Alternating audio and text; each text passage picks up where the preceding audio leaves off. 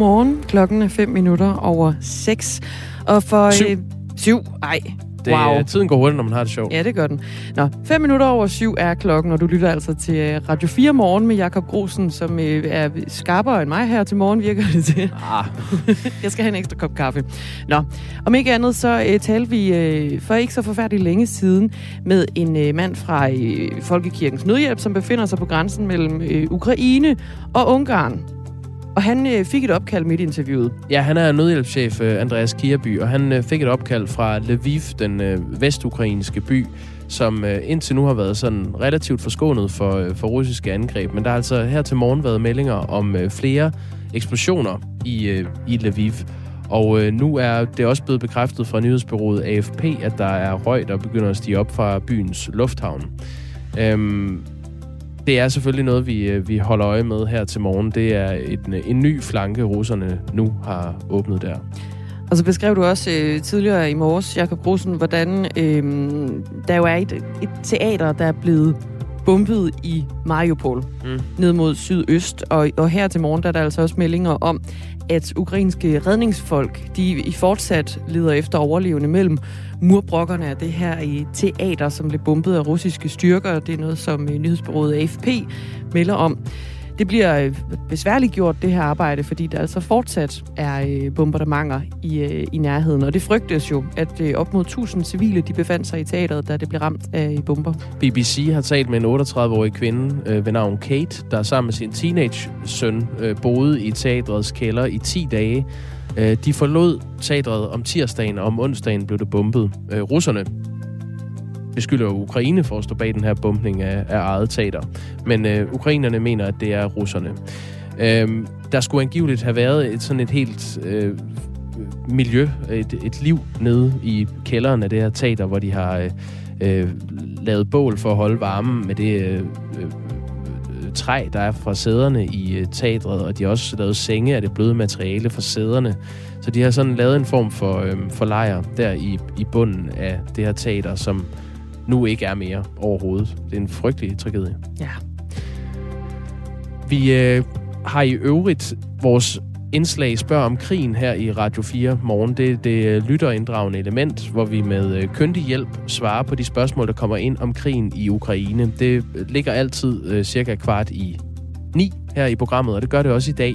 Og i dag er det Karina Ann Mein, som er adjunkt ved Institut for Strategi på øh, Forsvarsakademiet, som er med. Hun har fokus på atomkrig. Altså det er, det er hendes forskningsområde.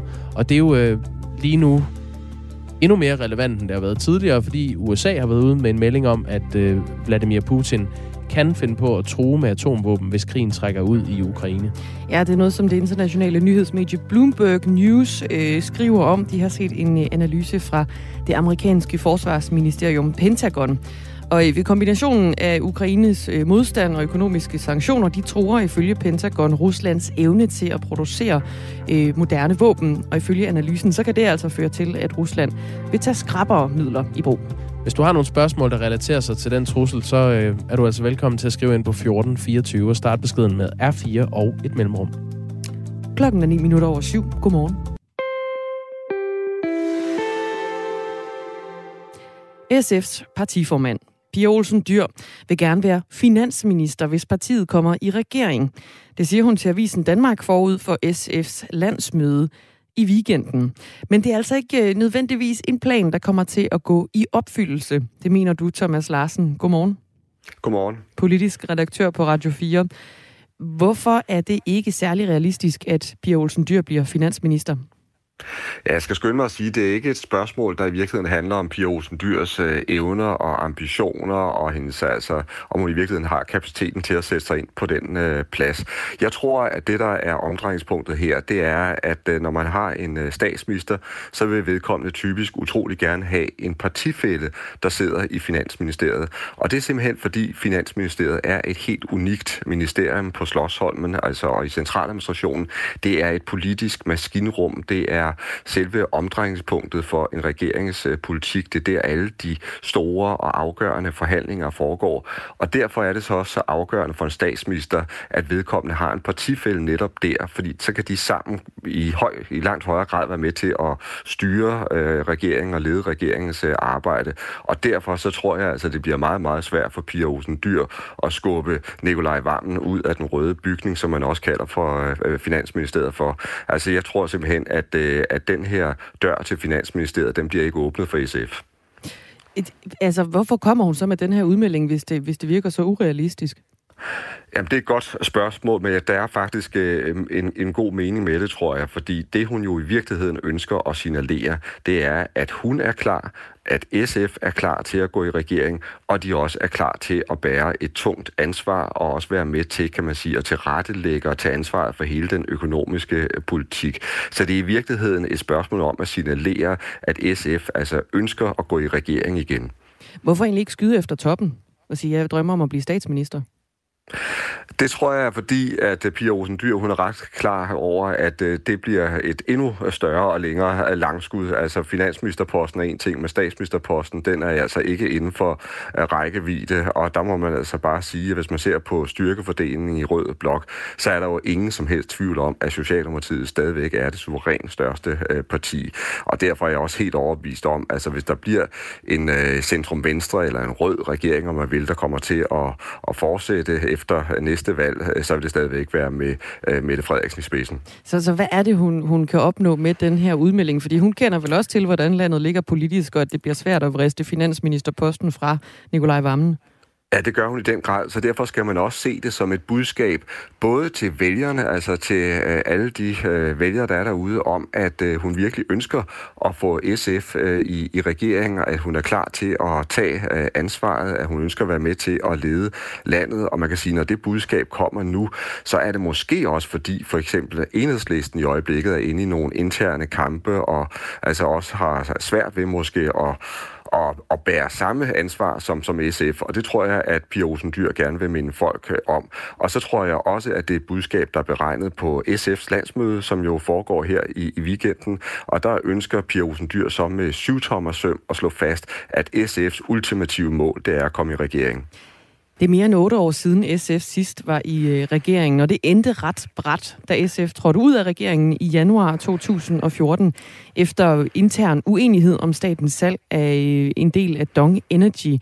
Øh, det gik ikke så godt i forhold til at være i regering for SF sidst, så hvordan er perspektiverne så den her gang? Ja, altså når du siger, at det ikke gik så godt, så er det en meget, meget smuk omskrivning for noget, der i virkeligheden var en træstjernet katastrofe, for det var det, og det vil Pia Olsen Dyr også være den første til at erkende. SF, de uh, satsede stort på at komme i regering dengang, og de blev anført af den dengang meget populære Ville Søvndal, og alt gik ganske enkelt galt. Uh, da partiet uh, røg ud af regeringen, vælte ud af regeringen, der var de jo altså næsten i, i, i fare for at blive udslettet og lå med rekordlave vælgertilslutning.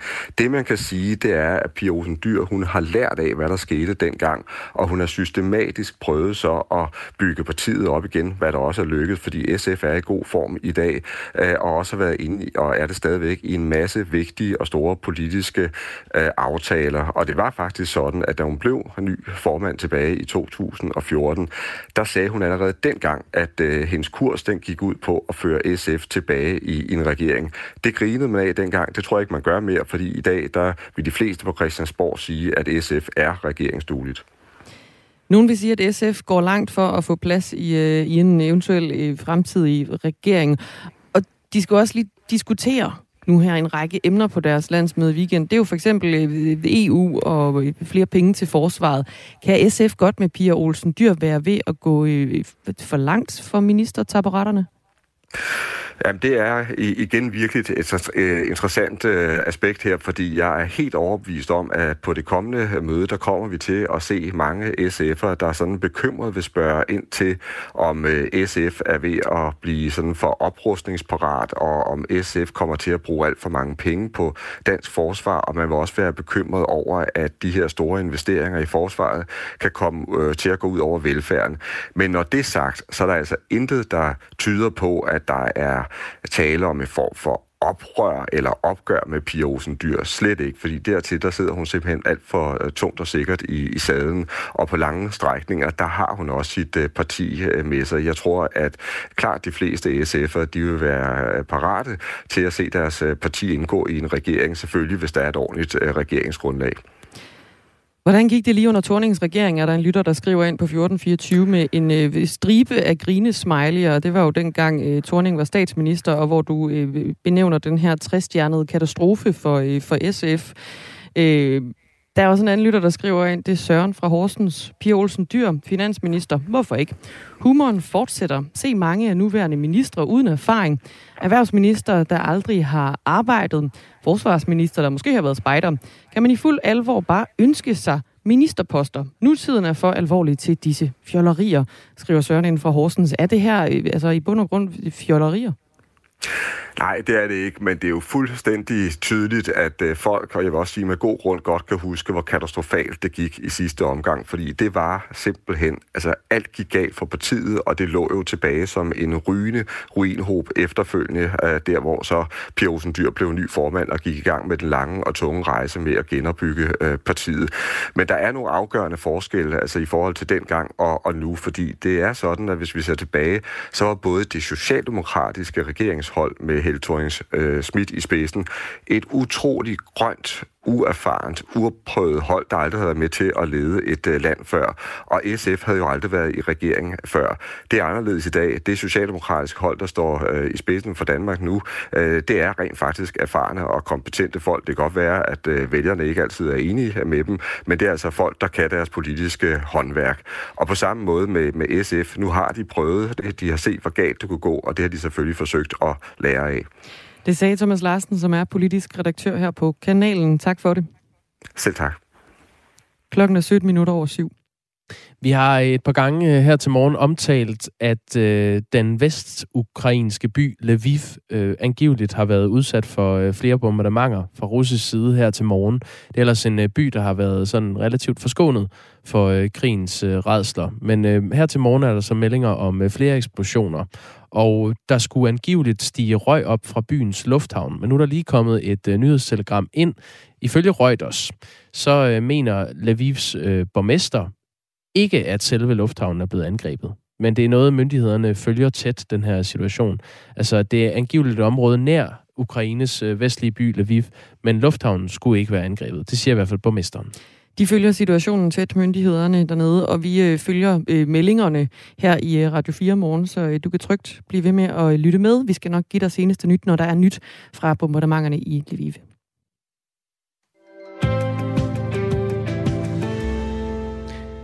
Den lille russiske republik Tjetjenien er kommet til at spille en, øh, i hvert fald en, en mindre rolle i konflikten i Ukraine.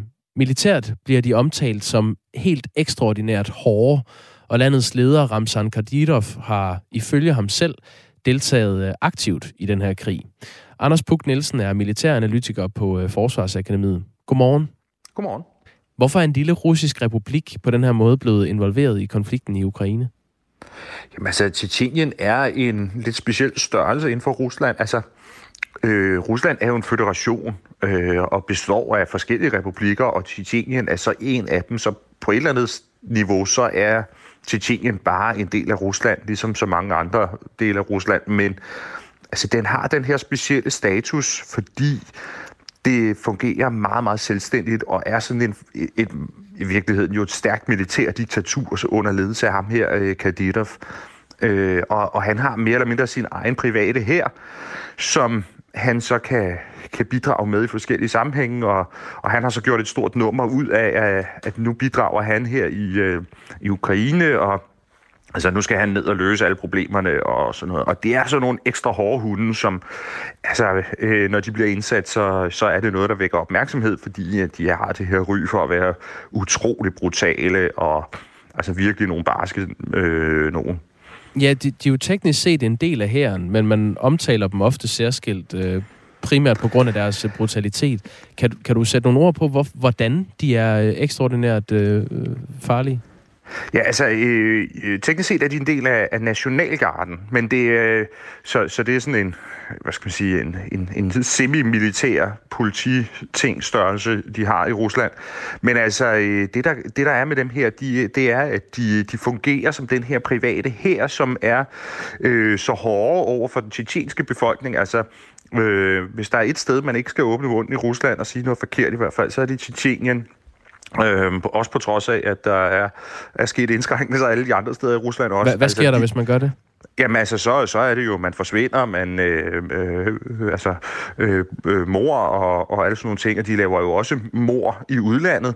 Altså, øh, Kadetov her øh, har sådan sin egen form for, hvad skal vi sige, udenrigs efterretningstjeneste, der også øh, laver mor i Vesten øh, på tjetjenske dissidenter, som har øh, fået asyl i, i Vesten og sådan nogle ting, som, som så øh, bliver slået ihjel. Øh, der har været episoder i Berlin for eksempel, hvor der var øh, en, der, der blev dræbt øh, ved morforsøg i Sverige og sådan nogle ting. Så det er sådan nogle rigtig barske nogen, der, øh, der på alle mulige måder slår rigtig hårdt ned. Og øh, når man så indsætter dem i krig, øh, som, som man nu gør i Ukraine, jamen så, øh, så, så er det nogen, der på en eller anden måde er med til at, at sende et budskab om, at nu bliver fløjelshandskerne altså taget af. Nu kommer det til at blive barsk. Øh, det kan jo enten være over for, øh, for den ukrainske befolkning. Der har været nogle, øh, man har set, blandt andet så har de angiveligt øh, haft sådan en eller anden øh, øh, gruppe, der skulle infiltrere Kiev og ind og finde Zelensky og simpelthen bortføre ham, og de blev så øh, nedkæmpet alle sammen. Øh, det, der har også været ryger, rygter om, at de bliver brugt til sådan noget, altså uropoliti, der skal banke øh, lokalbefolkningen, efter man har overtaget byer for eksempel. Og så endelig så er der faktisk også rygter om, at de bliver brugt til at banke de russiske soldater på plads, hvis det er, at de ikke viser en ordentlig øh, kampvilje, eller måske endda sådan viser tegn på at ville desertere. Og så har man så de her tjetjenere til at tage sig af, af de stakkels russere, som, som har svært ved at finde moralen til krigen. Så, så det er sådan nogle, øh, det er sådan nogle, nogle brutale bøller, der, der kan sættes ind. Der bor ikke mange mennesker i Tjetjenien. Der bor øh, 1,3 millioner, øh, for at være præcis. Og det ligger altså i det sydlige Rusland med grænse mod Georgien. Befolkningen er primært muslimer i Tjetjenien. Og landets leder, Ramzan øh, Kadyrov, fortalte i en video i sidste uge, at han var til stede sammen med sit militær i Ukraine, 30 km fra hovedstaden Kiev. Men i går kunne et ukrainsk medie så modsat fortælle, at han befandt sig i Tjetjeniens hovedstad Grozny, og ikke i Kiev. Og det er altså ikke bekræftet. Øh, man ved faktisk ikke præcis, hvor han er. Øh, hvad, kan du sætte nogle ord på, øh, Anders Buk Nielsen, hvad det er for et, et forhold, øh, Ramsom Kadyrov har til Ruslands præsident øh, Vladimir Putin? Ja, og, og det, øh, det bunder i de her Tjetjeniens-krige, der var efter, at Sovjetunionen gik i opløsning, så var der jo også, så prøvede Tjetjenien at bryde ud af Rusland. Og det var sådan ligesom en, en særlig kategori der, fordi det var jo ikke bare nogen, man brød ud af Sovjetunionen, men det var decideret en del af Rusland, der prøvede at bryde fri. Øh, og så var der så øh, igennem 90'erne første Tjetjeniens krig, hvor, det, hvor Tjetjenierne faktisk vandt over russerne og fik en, en vis form for selvstændighed, og så kom Putin jo til som præsident på en bølge af, af succes efter 2. Tjetjeniens krig, hvor han øh, på meget, meget brutal vis simpelthen fuldstændig sønderbumpet Tjetjenien og indsatte øh, Ramzan Kadyrovs far som sådan en, en øh, præsident dernede, der fik lov til at styre det der som sit eget fyrstedømme. Hvis han bare kunne holde ro i Tjetjenien og være 100% lojal over for Putin, så fik han lov til at gøre lige, hvad der passede ham. Øh, og han blev så udsat for et attentat, øh, jeg kan ikke huske, jeg tror det var 2008 eller deromkring, øh, og så, så blev hans søn, så Ramzan Kadyrov, så øh, Øh, øh, indsat som præsident i stedet for. Øh, og han øh, altså, øh, reagerer på den der måde, hvor at han i alle sammenhænge er 100% lojal over for Putin, altså så meget, så det nærmest er, er, er en farse en gang imellem. Og han bruger enhver lejlighed til at markere sig som den stærke mand, der kan, øh, hver gang Putin har et eller andet problem, hvor der er nogen, der skal bankes eller tæves eller øh, slås ihjel eller et eller andet, så, så, så står han der og hopper og siger, tag mig, tag mig, jeg skal nok. Øh, så det er sådan forholdet mellem dem. Og, øh, og, og så derfor så har han jo også i lang tid gået i forvejen, altså allerede for flere måneder siden har han jo øh, også råbt op om, at hvis Putin havde brug for at få løst et problem i Ukraine, så skulle han nok, øh, så skulle han nok tage ned. Det behøvede Putin sådan set ikke at, at involvere sig i, fordi han skulle nok øh, sørge for at få ukrainerne til at markere ret og sådan nogle ting. Så, så det har han markeret sig meget på det her. Øh, hvilken rolle spiller de sådan øh, i forhold til den militære indsats i, i Ukraine på russisk side? Altså for mig at se, så er de i store træk bare indsat som øh, nationalgardister, altså øh, soldater, øh, som er integreret i den russiske indsats i Ukraine. Øh, men de er jo så sådan nogle typer, som måske kommer ind og har lidt, lidt ekstra kampmoral og, og sådan noget, fordi de er jo vant til at være i kampene. De er også ældre end de der unge russiske øh, soldater, vi ser, der lige er blevet færdige med værnepligten og sådan noget. Og, og, og, og i det hele taget så, altså, de er også nogen, der, der er grumme at se på. Altså, de er generelt meget store. Øhm, og øh, så, så, så de har sådan den der rolle i at være, være en integreret del af styrkerne, og så er det så sådan nogen, man kan bruge til at ja, når der er nogen, der, der har brug for at blive banket lidt med, med hænderne og sådan noget. Så ikke? de, de er en så, form for tæskehold, men altså militærteknisk øh, fylder de Sim, simpelthen, ja. ja. Øh, det er jo ikke kun soldater fra Titanien, der har sagt, at de vil øh, slutte sig til krigen. Rusland har lavet en liste med omkring 40.000 soldater fra Syriens her og allierede militser med henblik på at kunne sætte dem ind i Ukraine. Det siger det syriske observatorium for menneskerettigheder.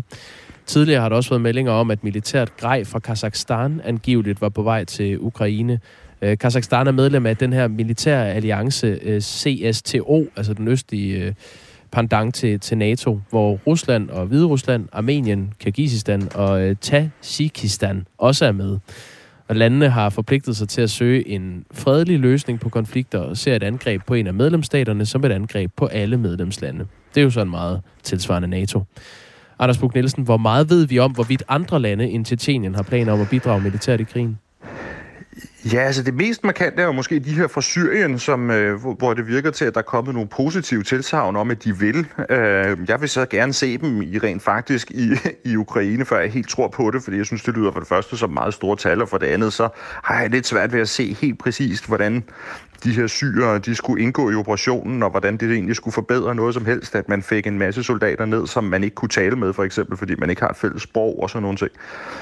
Mere, mere interessant er jo i virkeligheden, hvorfor vi ikke rigtig har set nogle soldater fra Belarus. Øh, fordi det tror jeg vil gøre en, en lidt større forskel for, øh, for russerne. Hvorfor har vi det? det var sådan. Ja, og det er jo det gode spørgsmål, men det har vi jo til synligheden ikke, øh, fordi Belarus ikke vil. Øh, og, og, og, det, og der synes jeg, der er noget interessant i, i det. Øh, hvem er det i Belarus, der har sagt nej? Altså, fordi der har også været nogle rygter om, at, at måske så ville Lukashenko faktisk gerne, altså den belarusiske præsident vil gerne, men, men han har simpelthen fået et, øh, et blank afvisning fra generalstaben, som har sagt, at det vil de ikke være med til. Og, så så der, der, er en, der foregår altså et eller andet på de interne linjer der, som er lidt svært helt præcis at gennemskue. Fordi det, det er jo en, en her, som øh, rent faktisk er trænet i at arbejde sammen med russerne og kunne bare gå ind og, og, og, og gøre en reel forskel. Men, men indtil videre, så har de bare lagt jord til, at, at, at russerne kan operere ud fra belarusisk jord, men altså der er ikke selv sådan øh, engageret sig i kampen. Tak skal du have for øh, endnu en øh, analyse her i Radio 4 Morgen, Anders Buk Nielsen. Ja, velbekomme. Du har travlt for tiden. Ja, der er meget set ja, militæranalytiker på øh, Forsvarsakademiet. Klokken er to minutter i halv otte.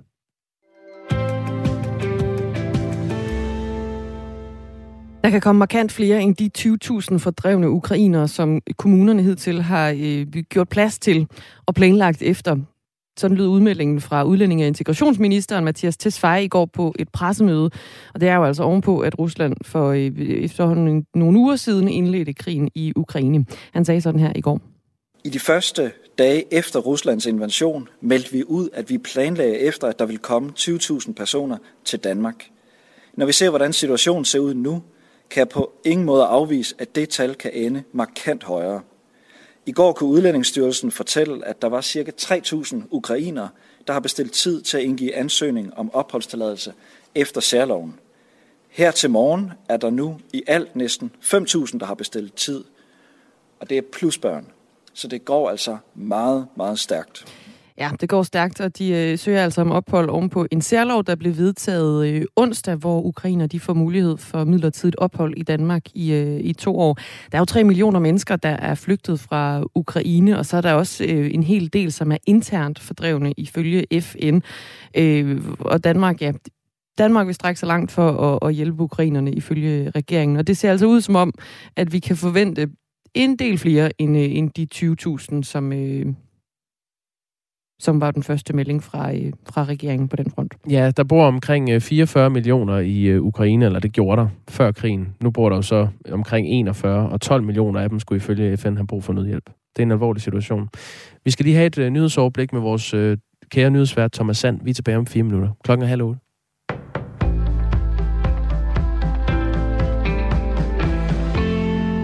Russiske missiler har angiveligt ramt et område nær lufthavnen i den vestlige ukrainske storby Lviv her til morgen. Det oplyser byens borgmester ifølge Reuters. Han tilføjer, at selve lufthavnen ikke er blevet angrebet. Myndighederne er i gang med at vurdere situationen. En række videoer og billeder på Twitter, der endnu ikke er blevet verificeret, viser en søjle af røg stige op fra området omkring lufthavnen. Lufthavnen i Lviv ligger cirka 6 km uden for byens centrum. Meldingen om angrebet kommer efter, at tv-stationen Ukraine 24 tidligere på morgenen rapporterede om, at der er blevet hørt mindst tre høje eksplosioner i Lviv. Byen er blevet tilflugtssted for 10.000 vis af flygtninge i Ukraine. Det skyldes, at den indtil videre har været relativt forskånet for russiske angreb, og desuden ligger ret tæt på grænsen til Polen. Parlamenterne i Litauen og Letland opfordrer til, at der indføres en flyveforbudszone over Ukraine for at bakke landet op i kampen mod den russiske invasion. Også Slovenien støtter ideen, der indebærer, at visse typer fly får forbud mod at flyde hen over et bestemt område. Både USA og NATO har afvist anmodninger fra Ukraines præsident om at indføre en flyveforbudszone med den begrundelse, at NATO risikerer at komme i åben krig med Rusland. Hvis et forbud skal håndhæves, vil det reelt betyde, at NATO-landes kampfly skal være klar til at skyde russiske kampfly og kamphelikoptere ned. Dermed kan NATO hurtigt komme i åben krig med Rusland, har argumentationen lyttet fra USA's præsident Joe Biden og NATO's generalsekretær Jens Stoltenberg. Ruslands præsident Vladimir Putin har også gjort det klart, at Rusland vil betragte kampfly fra USA eller NATO i ukrainsk luftrum som deltager i en militær konflikt. Ventetiden på at få retssager afsluttet er steget igen. Det er den nedslående konklusion i Danmarks Domstoles årsrapport, der offentliggøres i dag. For domsmandssager, hvor der idømmes, kan idømmes en fængselsstraf, steg sagsbehandlingstiden i byretterne fra 5,6 måneder i 2020 til 7,3 måneder sidste år. Bare fire år tidligere i 2017 tog det kun lidt over fire måneder at gennemføre sådan en straffesag. Domstolsstyrelsens direktør Christian Hertz mener, at de stigende sagsbehandlingstider er en belastning for de involverede og udfordrer retssikkerheden. Flere danske virksomheder fremskynder nu den grønne omstilling. Krigen i Ukraine har sendt energipriserne i vejret, og samtidig er der opstået et ønske om at gøre sig uafhængig af russisk energi. Det skriver Jyllandspostens erhvervsmedie Finans. En af de virksomheder er Salling Group, der står bag Netto, Føtex og Bilka-butikkerne. Her er der taget beslutning om at investere 2,5 milliarder kroner i en energiomstilling af Sallings 1700 butikker i Danmark, Tyskland og Polen. Den aktuelle energisituation lægger yderligere pres på behovet for omstilling. Derfor har vi valgt at fremskynde investeringen, siger administrerende direktør Per Bank til Finans. Konkret vil Salling udskifte kølemøbler og installere solcelleanlæg. Derudover vil olie- og gasdrevne varmekilder i butikker blive udskiftet med eldrevne varmepumper. Den fremskyndede interesse for grøn omstilling er også noget, man mærker i Dansk Erhverv, som har flere tusinde medlemmer på tværs af erhvervslivet, fortæller Ulrik Bank, markedschef for klima og energi i Dansk Erhverv. Det er virksomheder i, øh, i alle sektorer og, og alle størrelser, som sidder og kigger lige nu ind i, hvad kan vi gøre for at spare på gassen, og hvad kan vi gøre for at komme helt ud af gassen, altså konvertere øh, øh, Putins gas øh, til, til grøn dansk strøm. Snart vil de fleste coronarestriktioner i Italien være fortid, det oplyser premierminister Mario Draghis regering. Fra april og fremover vil det såkaldte grønne pas, som borgere skal fremvise for at bevise, at de er vaccineret, testet negativ eller kommet sig efter sygdom, ikke længere være påkrævet. Passet er lige nu et krav for at få adgang til eksempelvis hoteller og butikker samt den offentlige transport. Solrigt, men en kort overgang stedvis mere skyet, og i morgentimerne mod sydøst lokalt tåge eller rimtåge. Vi får temperaturer op mellem 5 og 12 grader, og så er der i morgentimerne, især i den østlige del af landet, risiko for pletvis ringlatte veje.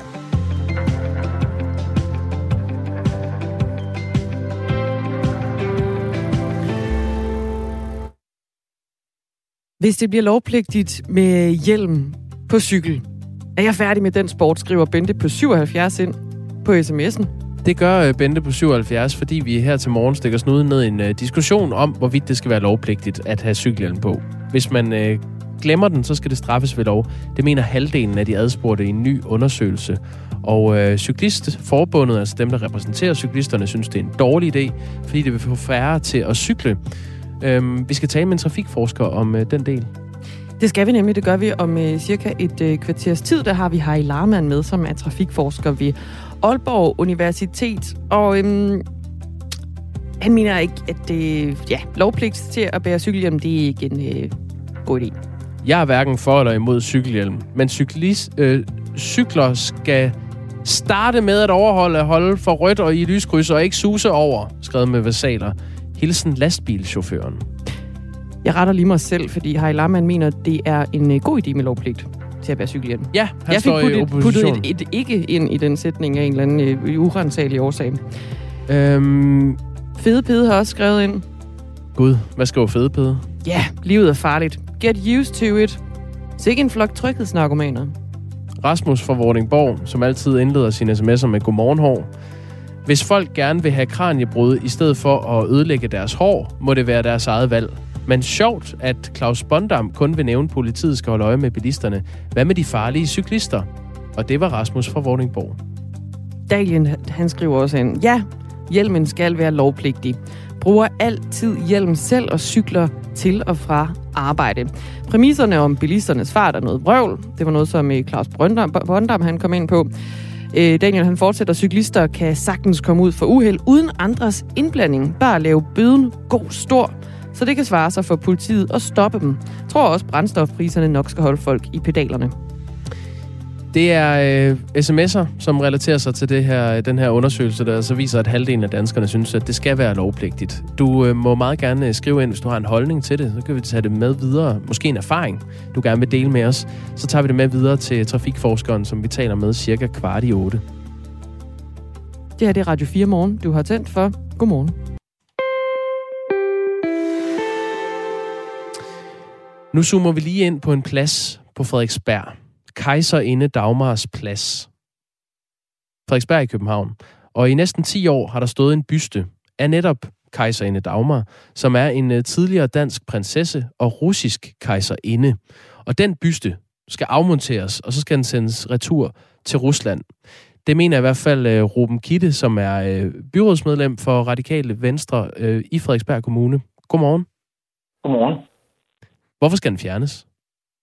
Øh, for ni år siden, der var det magtforlæggende for Putins ambassadør i Danmark at give Frederiksberg en byste af, af Dagmar, øh, der jo øh, øh, var gift med, med Tsar Alexander den tredje, en forholdsvis berygtet herre.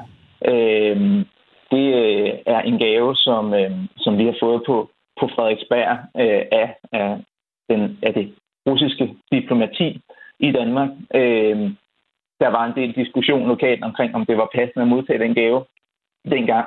Øh, her i dag, der står vi og har modtaget en, en gave, øh, som at øh, vi passende som en symbolsk handling øh, kunne, kunne returnere og sige, øh, den, øh, den kan vi altså ikke have stående på nuværende tidspunkt omvendt. Øh, så øh, på det tidspunkt, hvor at, øh, Putin forlader øh, Ukraine, jamen der kan vi jo godt have den stående igen. Så det er jo en form for at sige fra, øh, også i forhold til det bløde diplomati. Øh, det her med, at vi modtager gladeligt øh, gaver fra regimer, vi modtager øh, pandager i zoologiske haver og sådan noget. Det er jo nogle, det er klart, at de her bløde, øh, bløde gaver fra jernhårde regimer, de, de spiller jo en symbolsk holdning, og derfor så synes jeg også, at vi kan have en tanke om, hvad er vores sanktionsmuligheder inden for det bløde diplomati? Og det er det, at, at, øh, at jeg forsøger med det forslag. Jeg fortæller lige lidt om, øh, om Dagmar. Altså, hun var en, en dansk prinsesse. Hun var kejserinde af øh, Rusland. Øh, hun var datter af Christian den 9. og blev i 1866 gift med storfyrst fra 1881, kejser Alexander den 3. af Rusland. Som kejserinde var hun til stor nytte for øh, både dansk øh, erhvervsliv og andre med interesser i, øh, i Rusland. Og ved sin død på øh, Hvidøre i 1928 blev Dagmars kiste bisat i Roskilde Domkirke, og efter sovjetstyrets øh, fald ønskede Rusland imidlertid at få hendes øh, jordiske rester ført til Sankt, Petersborg, og det skete i 2006, nøjagtigt 140 år efter hendes bryllup. Nu står den her byste, som så er doneret af russerne på kejserinde Dagmars plads på Frederiksberg mener du også, at man skal ændre navn på den her plads, eller er det udelukkende det, at den er øh, russisk produceret, en gave fra Rusland, som falder dig for brystet? Jamen, altså, jeg holder det her forslag... Øh, det er rigtigt, at der har været en diskussion om pladsen, og det er klart, den fremstilling der, at Dagmar, du har, det er det ene side af historien, så er der nogle andre, der er rigtig til for eksempel det, danske, øh, det, det jødiske samfund, som er meget ked af, af SAR-vældet øh, netop øh, den, den tid øh, øh meget, meget voldsom øh, jødeforfølgelser, øh, Øh, der var i, i, i den periode, øh, hvor Dagmars familie i Danmark også skrev til hende, og til hendes mand omkring, øh, øh, netop om, om, omkring, om de ikke kunne stoppe de her voldsomme jødeforfølgelser, hvor der så desværre øh, ikke, ikke var noget at, at komme efter. Øh, ingen, ingen ører, der lyttede. Så der er en diskussion, en diskussion omkring, øh, har været en diskussion lokalt omkring, om det var passende i sin tid at opkalde pladsen og opkalde og stille bysten. Øh, men det synes jeg jo bare, der er vi ikke længere. Altså den, den plads hedder, hvad den gør. Øh, det ville ikke være muligt at få lokal enighed om at få den at få, få ændret det navn. Og det, det Vil du gerne det, er lige nu her. Øh, det synes jeg, øh, altså det, det, jeg kunne godt personligt overtale til at, øh, og, øh, at kalde den for Ukraineplads eller noget andet, som vil være, være et, et, et symbol. Men jeg ved bare, og nu har du også Nikolaj Bø med øh, på linjen her, jeg ved, at det var noget, som, som vi ikke ville kunne finde, enighed her øh, i, i lokalbestyrelsen om. Og det, at der var mit ærne med øh, forslaget her, det var netop at gå ret målrettet efter øh, en gave, øh, som vi har fået købt og betalt af Putins forlængede arm i, i Danmark, øh, det officielle øh, russiske diplomati, og sige, at, at når det er en gave, som I har, øh, I har øh, øh, været meget magtpålæggende for jer at få placeret her, mm. øh, det har haft en stor symbolsk værdi som et blødt, et tiltag i den bløde, inden for det bløde diplomati, øh, så mener vi også på nuværende tidspunkt, det er passende at returnere den gave, og så håber vi jo, at vi igen kan optage de gode relationer på et tidspunkt, hvor, hvor Putins øh, skamlige øh, invasion af Ukraine, den er stoppet. Øh, så det var meningen, det skulle være sådan et, et målrettet, en målrettet ting, som vi kunne blive enige om øh, lokalt, øh, men uden at tage den store diskussion omkring øh, det historiske. Men lad os, øh, lad os lige gøre det alligevel, altså tage den her diskussion. Nu, nu nævnte du selv, at øh, vi har Nikolaj Bø på en linje. Det har vi nemlig. Godmorgen, Nikolaj Bø. Godmorgen. Rådmand for øh, konservative i Frederiksberg Kommune. Du ser ikke den store mening i at sende den her byste af kejserinde Dagmar tilbage til Rusland. Hvorfor ikke? Jamen det gør jeg ikke, fordi at det har jo intet som helst med den aktuelle konflikt med Ukraine at gøre. Altså, det er jo, det er jo paradoxalt, at det er netop en radikal, der foreslår det her, fordi øh, Dagmar var jo flygtning fra et morderisk regime, som slog en stor del af hendes øh, familie ihjel, og fik så øh, asyl i hendes øh, fødeland. Og hvis vi skulle sende øh, bysten retur til, til efterfølgeren for det her morderiske regime, som hun flygtede fra, det ville da være noget af en, øh, en, en historisk mærkværdighed. Men hvis man ser på, øh, Rubens øh, argumenter, så har jeg også meget, meget svært ved at følge dem. Altså, nu sad jeg selv i kommunalbestyrelsen, da vi øh, fik tilbudt bysten af øh, det, det russiske miljø i, øh, i Danmark, som jo lavede en, en indsamling blandt forskellige virksomheder og enkeltpersoner, der havde relation til Rusland. Og, øh, og der var ikke, det var ikke noget med, at øh, det var magtpålæggende. Det var noget, vi fik tilbudt, fordi vi i forvejen havde en plads, der hed Kejserinde Dagmars plads, og så ville det her med bysten styrke hele fortællingen om de dansk-russiske relationer i historien. Og det er jo det, den betyder. Den betyder ikke noget med Vladimir Putin eller Ukraine eller noget som helst. Det har intet som helst med sagen at gøre, og jeg er helt sikker på, at der, man vil ikke kunne møde så meget som en enkelt Frederiksbergborger, der tænker, det her, den her byste, det, den repræsenterer det nuværende russiske regime og ting, vi ikke bryder os om. Det er, det er en, en historisk ting, fra, som relaterer sig til til dansk-russisk historie og, øh, og til russisk kultur i dag i øvrigt også, fordi den er udført af en russisk kunstner. Og det, det skal vi da naturligvis have plads til på Frederiksberg, og det er en del af byrummet på Frederiksberg i dag. Det skal du svare på, øh, Ruben Kitte.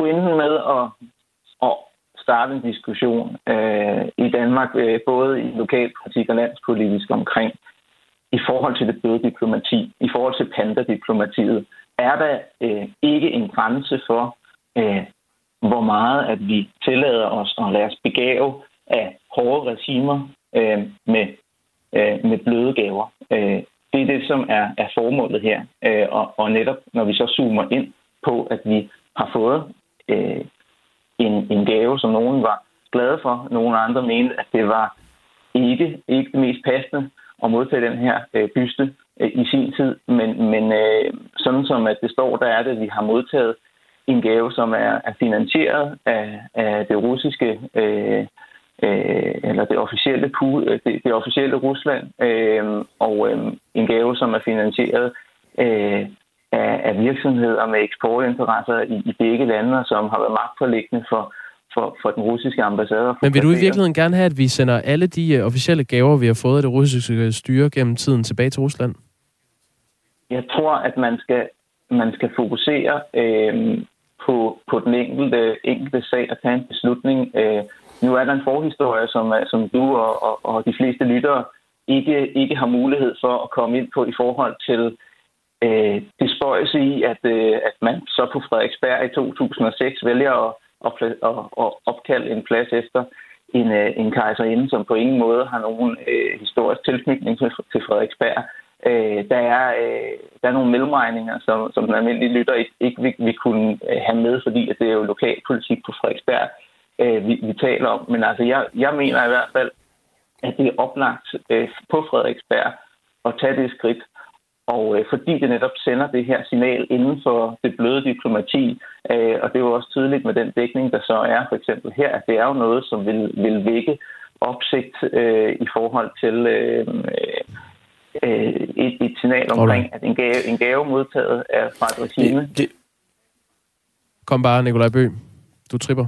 Det, det, vil, ja, det, vil, det er klart, det vil være op, væk opsigt, men det vil jo være at skyde os selv i foden. Altså, det er jo, det er jo et, en byste, som, øh, som tilhører Frederiksberg, og som er en, en daglig glæde for folk, der, der passerer kejseren Dagmars plads. Øh, Hvordan ved du det? Verden, altså, har du talt med nogen, der var ked af, at den bliver sendt retur? Nej, det har jeg ikke, men jeg tænker bare, at nu er det en integreret del af, af byrummet, og det er da en hyggelig ting at have stående, som netop styrker den her historiefortælling, som vi gerne vil lave ved at opkalde pladsen efter kejseren Dagmar øh, omkring det her med de, de dansk-russiske relationer. Men det som jo er, altså den opsigt, som det vil vække, det vil jo dels for mig at se være, at vi, vi skød os selv i foden, fordi vi tog et, øh, et monument ned, som, som står på Frederiksberg i dag, som øvrigt er et af de få monumenter over en, en kvinde, der er i København. Det er jo ellers et, eller i hovedstaden, det er jo ellers et, en stor diskussion i øjeblikket. Vi skal have nogle flere kvinder, så ville det jo være mærkeligt, hvis vi tog et, et kvindemonument ned. Men det er så en helt anden sag. Men den anden ting, det er jo, at øh, det her, det vil jo snarere øh, gavne Putins regime, end, end det ville svække det. Fordi Putin har jo en fortælling om, at, øh, at Vesten hader øh, russisk kultur og alt, hvad der er russisk. Og hvis vi udrensede et stykke russisk kultur og russisk historie på den her måde, så ville vi jo netop bekræfte den fortælling, som Putin har om, at, øh, at vi ikke bryder os om Rusland. Og det er jo helt forkert. Altså, vi bryder os ikke om det aktuelle russiske regime.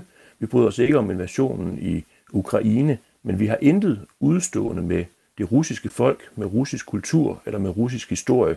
Det er noget, vi traditionelt i historien har haft et, øh, et nært forhold til, og det vil vi jo også have en dag, når Putin ikke er der mere, så vil vi stadigvæk være et land, der, der er forbundet med Rusland på mange ledere kanter. Og det ville da være vanvittigt, hvis vi skulle i gang med sådan en generel cancel culture, som det jo også hedder, øh, bevægelse, og fjerne alt, hvad der er russisk fra vores land. Øh, det vil være helt forkert på alle mulige måder, og det vil ikke gavne ja, noget som helst. Vi skal lige have Ruben Kitte på banen her. Altså, Ruben Kitte, Nikolaj Bøge mener altså, at I vil gå øh, Putins ærne ved at sende den her byste retur. Hvorfor er det ikke at gå hans ærne?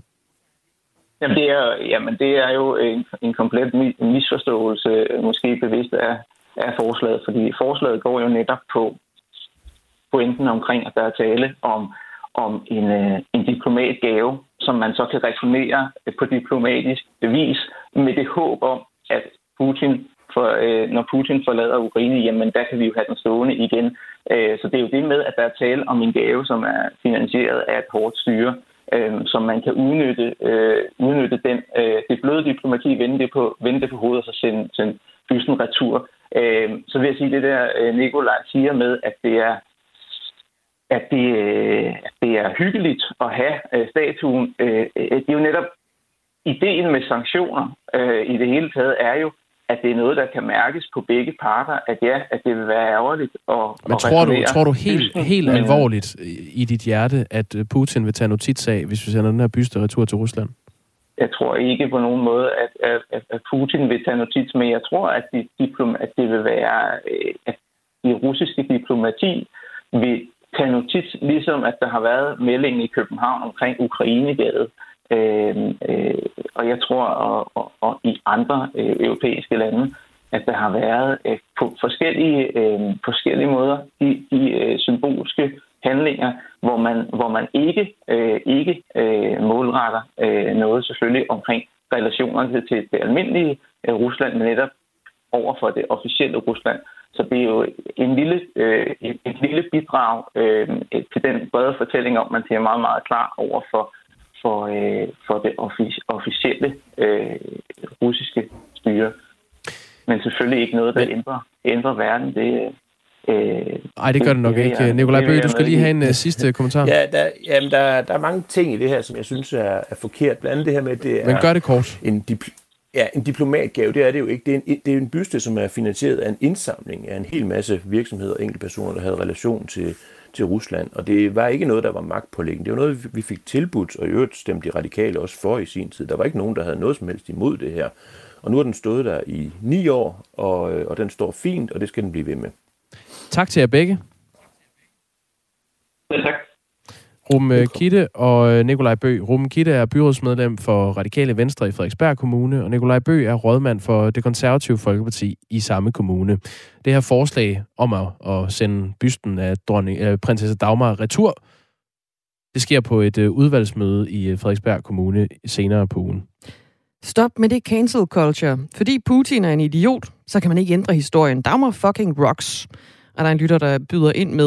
Og en anden mener altså også, at det er et, et, tåbeligt forslag at landsforvise Dagmar som et vigtigt historisk monument, skriver i vedkommende. Så er der kommet et par forslag. Øh, Inger, hun skriver blandt andet, at øh, spørger om, om Frederiksberg bare kan nøjes med at sætte kejser inde i et depot indtil fredeligere tider.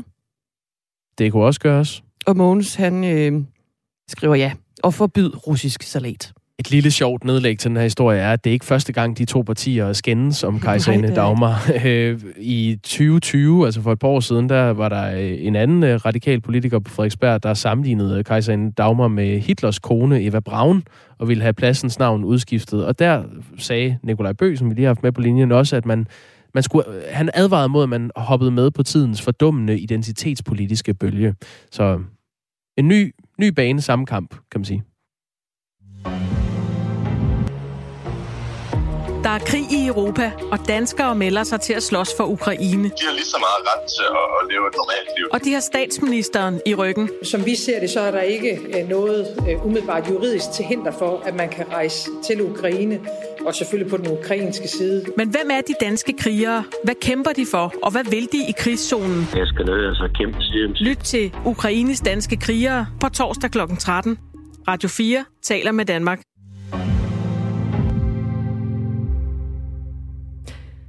Hver anden dansker synes, at det skal være lovpligtigt at have cykelhjelm på.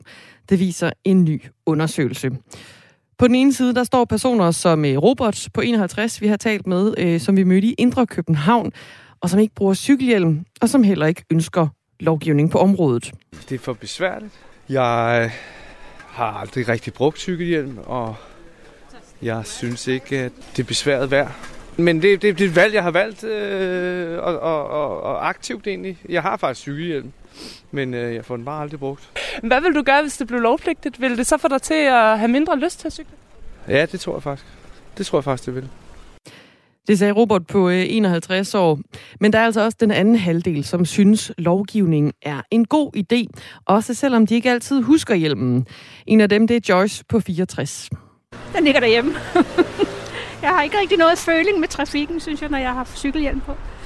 Og hvad, hvad, hvad tænker du om, hvis det blev lovpligtigt? Synes du, det er en god idé? Ja, det er jo en god idé, og det er også lidt dumt, jeg ikke har det.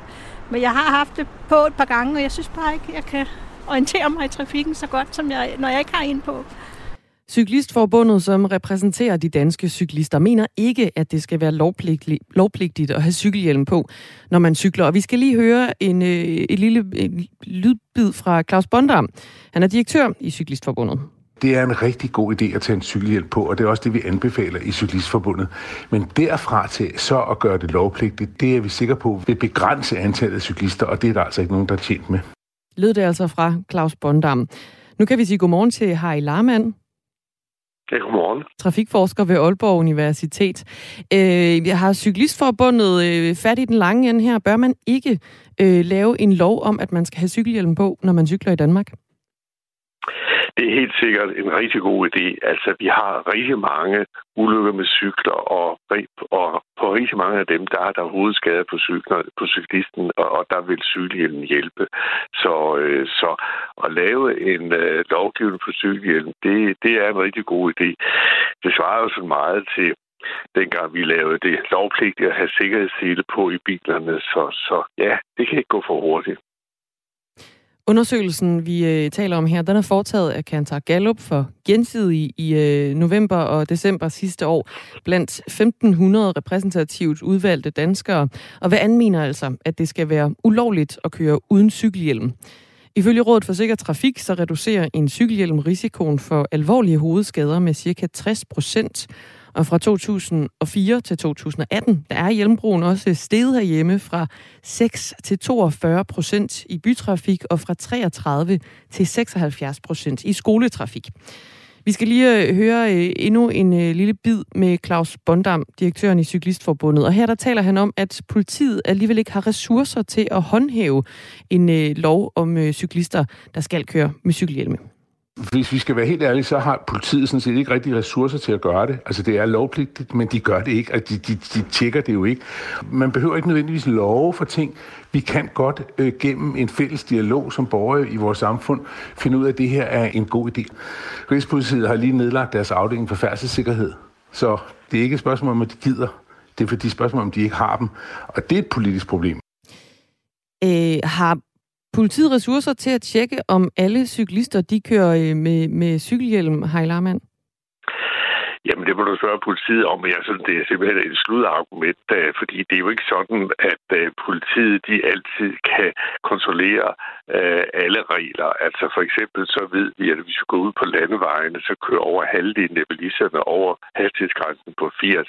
Og, og, og sådan er det jo. Så må vi jo en gang imellem ud og, og kigge på det, og så må vi slå dem, der kører for hurtigt, og præcis på samme måde med cykelhjelmen.